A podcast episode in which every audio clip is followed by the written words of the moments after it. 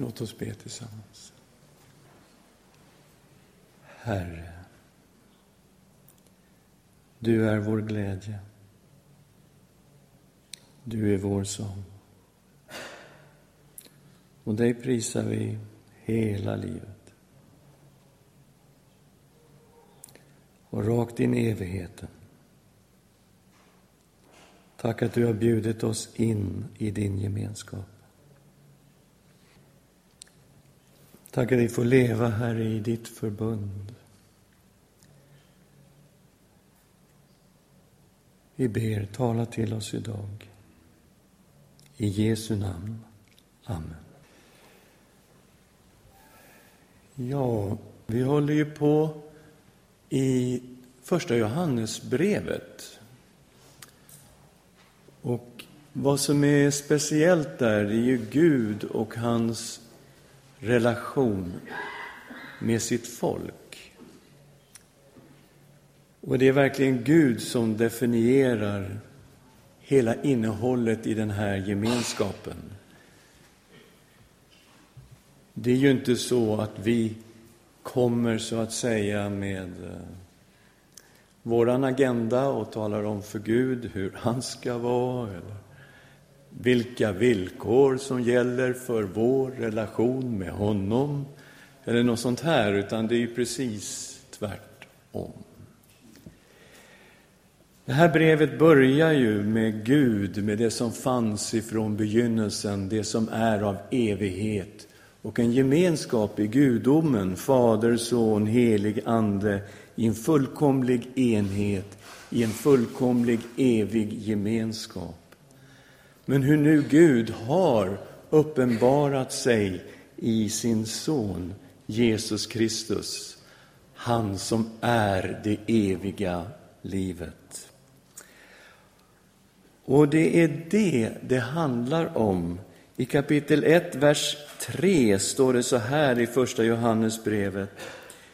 Det vi har sett och hört förkunnar vi för er för att också ni ska ha gemenskap med oss. Och vår gemenskap är med Fadern och hans son Jesus Kristus. Och detta skriver vi för att vår glädje ska vara fullkomlig. Så helt plötsligt bjuds människor in i den här fullkomliga, eviga gemenskapen som finns i gudomen. Och då stöter vi ju på ett problem på en gång. Gud är ljus och inget mörker finns i honom. Och om vi säger att vi har gemenskap med Gud och vandrar i mörkret så ljuger vi, säger Guds ord. Och ändå vet vi att vi alla brottas med synden. Alla vi människor brottas med synden. Så hur kan vi ha gemenskap med Gud? Ja, vi behöver bekänna våra synder. Vi behöver komma till Gud och tala om precis som det är. Och då säger Guds ordet att han förlåter oss alla våra synder och att det är Jesu blod som renar oss från all synd. I vers 6. Om vi säger att vi har gemenskap med honom och vandrar i mörkret så ljuger vi och handlar inte efter sanningen. Men om vi vandrar i ljuset, liksom han är i ljuset, har vi gemenskap med varandra och Jesus, hans sons blod, renar oss från all synd. Där är grunden. Det är där vi börjar.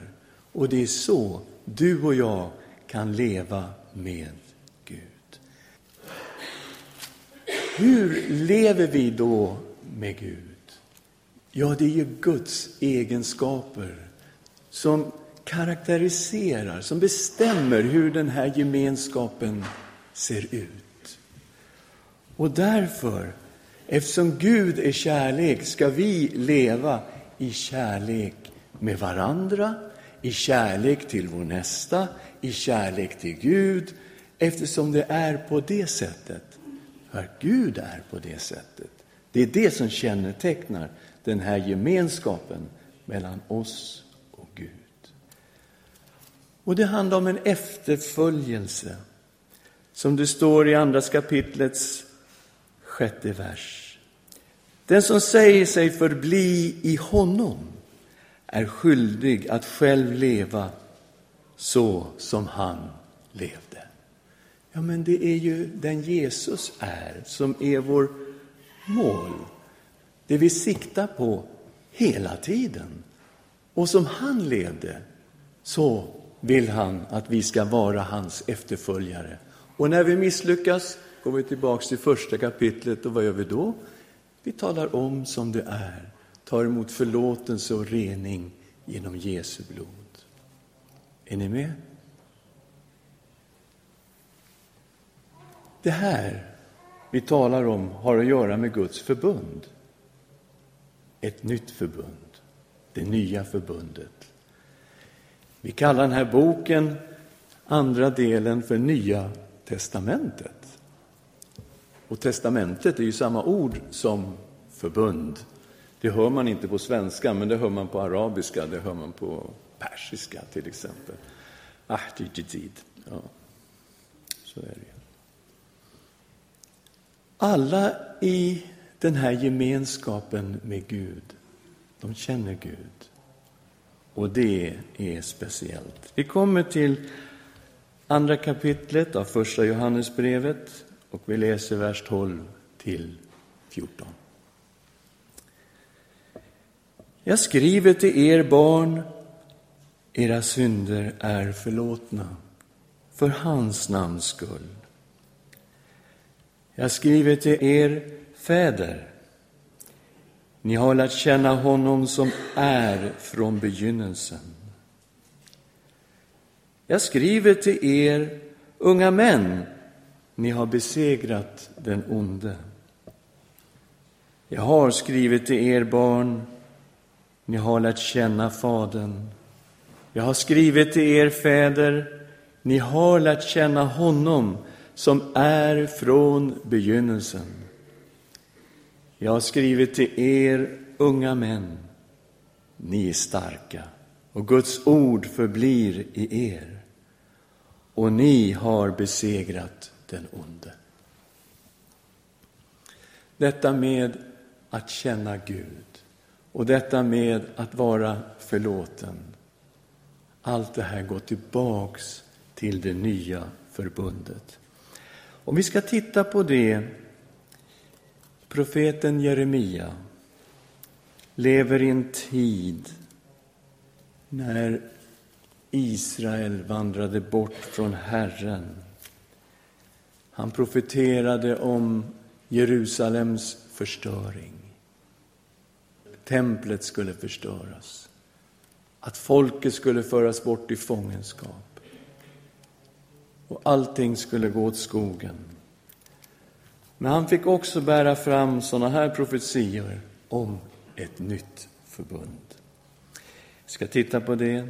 Jeremia kapitel 31, vers 31 till 34.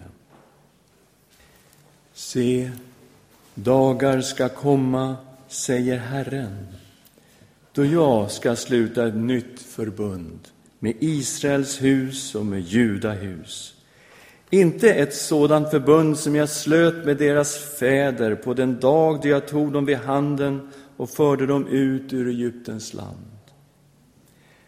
Det förbund med mig som de bröt fastän jag var deras rätte Herre, säger Herren. Nej, detta är det förbund som jag efter denna tid ska sluta med Israels hus, säger Herren. Jag ska lägga min lag i deras inre och skriva den i deras hjärtan. Jag ska vara deras Gud och det ska vara mitt folk. Då ska de inte mer behöva undervisa varandra, ingen sin bror och säga lär känna Herren. Ty alla ska känna mig, från den minste bland dem till den störste, säger Herren. Ty jag ska förlåta deras missgärningar och deras synder ska jag aldrig mer komma ihåg. Ett fantastiskt förbund. Här står det här med att känna Gud. Alla i det här nya förbundet känner Gud. Från de minsta till de största. Och det är det som är så märkligt i den kristna tron. Att du kan ha en människa, kan till och med ha varit en ateist, någon som har förnekat Gud hela sitt liv. Men så böjer de knä inför Kristus, bekänner sin synd och säger förlåt mig, rena mig, Jesus Kristus, du som dog för mig. Och så sker undret. Pånyttfödelse i den helige Ande.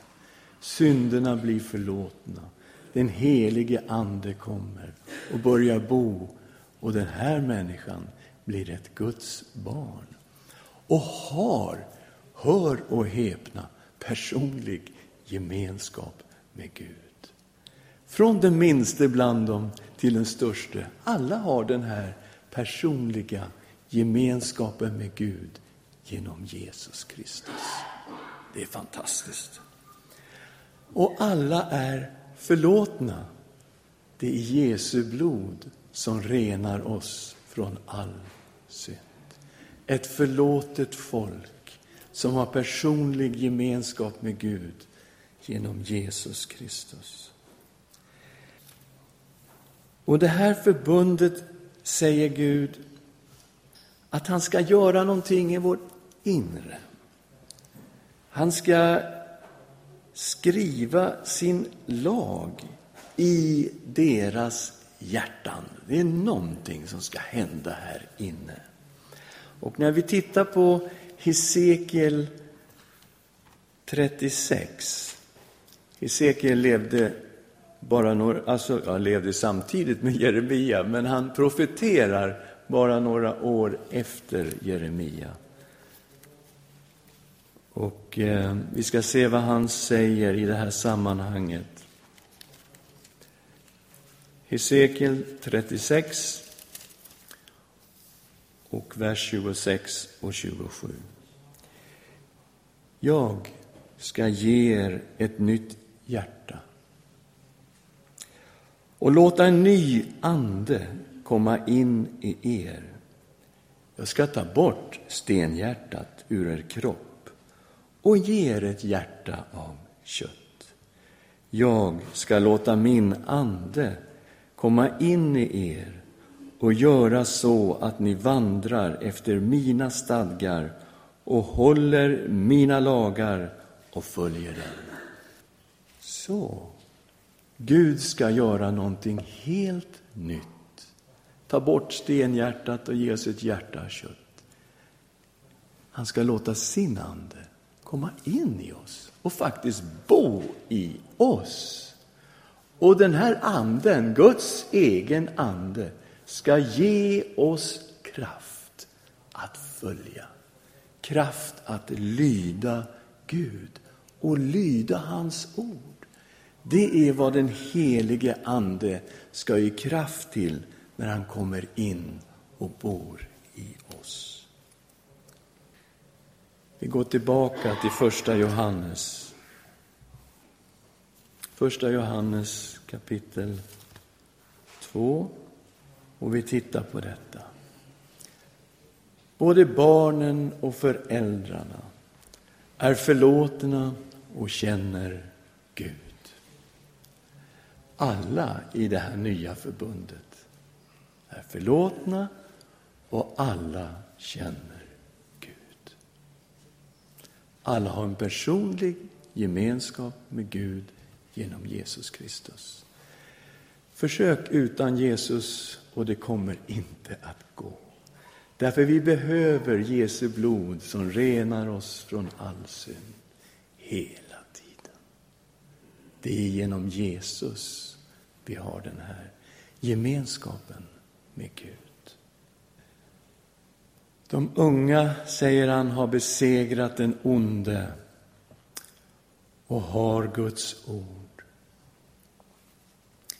Det finns en fiende där ute och han kan vi inte besegra i oss själva. Jesus Kristus har besegrat honom i grunden. Jesus Kristus har blivit frestad på alla tänkbara sätt. Den onde försökte på allt sätt knäcka Jesus. Det gick inte. Jesus besegrade honom slutgiltigt i sin död och sin uppståndelse. Och den segern får vi leva i, i det nya förbundet. Och det här är viktigt. Guds ord. Det här är viktigt. Hur kan du lära känna Jesus Kristus utan Guds ord? Vad vet du om Jesus Kristus förutom det som står skrivet här? Tål att tänka på. Gud ger oss ett nytt hjärta och han ger oss sin egen ande. Det här är det nya förbundet. Guds ande ger oss kraft att lyda Guds ord. Men eh, då kanske vi kan leva lite som vi vill. Det är ju schysst det här att vi är förlåtna, renade. Eh, Spelar det någon roll hur vi lever som Guds barn? Vad tror ni? Vi läser några verser till. Vi börjar i femtonde versen, första Johannes 2.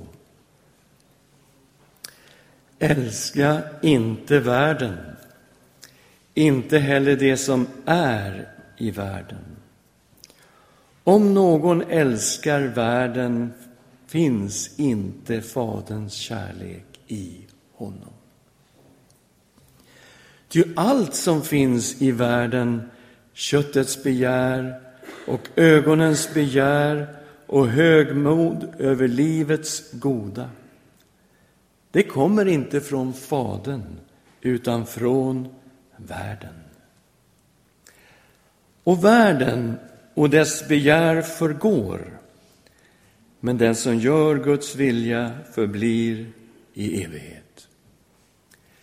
Älska inte världen. Ja, men säger någon, Gud har ju skapat världen. Ska vi inte älska det Gud har skapat? Jo, visst. Men Johannes här använder inte världen på det sättet.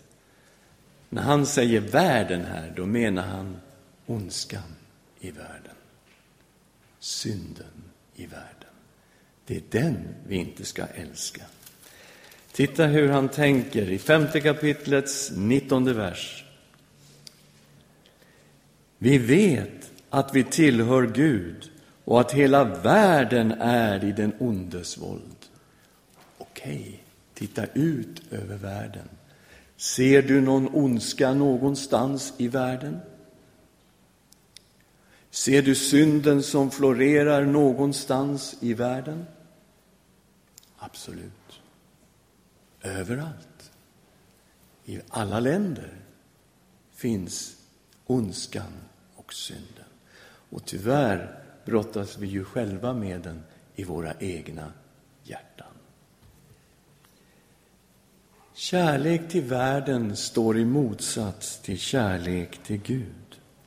Älska inte världen, inte heller det som är i världen. Om någon älskar världen finns inte Faderns kärlek i honom. Gud älskar inte ondskan. Gud älskar inte synden. Om vi har vår kärlek i synden, om det är det som vi älskar, då älskar vi inte Fadern. Är ni med på den? Mm. Ondskan som finns i världen, den kommer inte från Gud.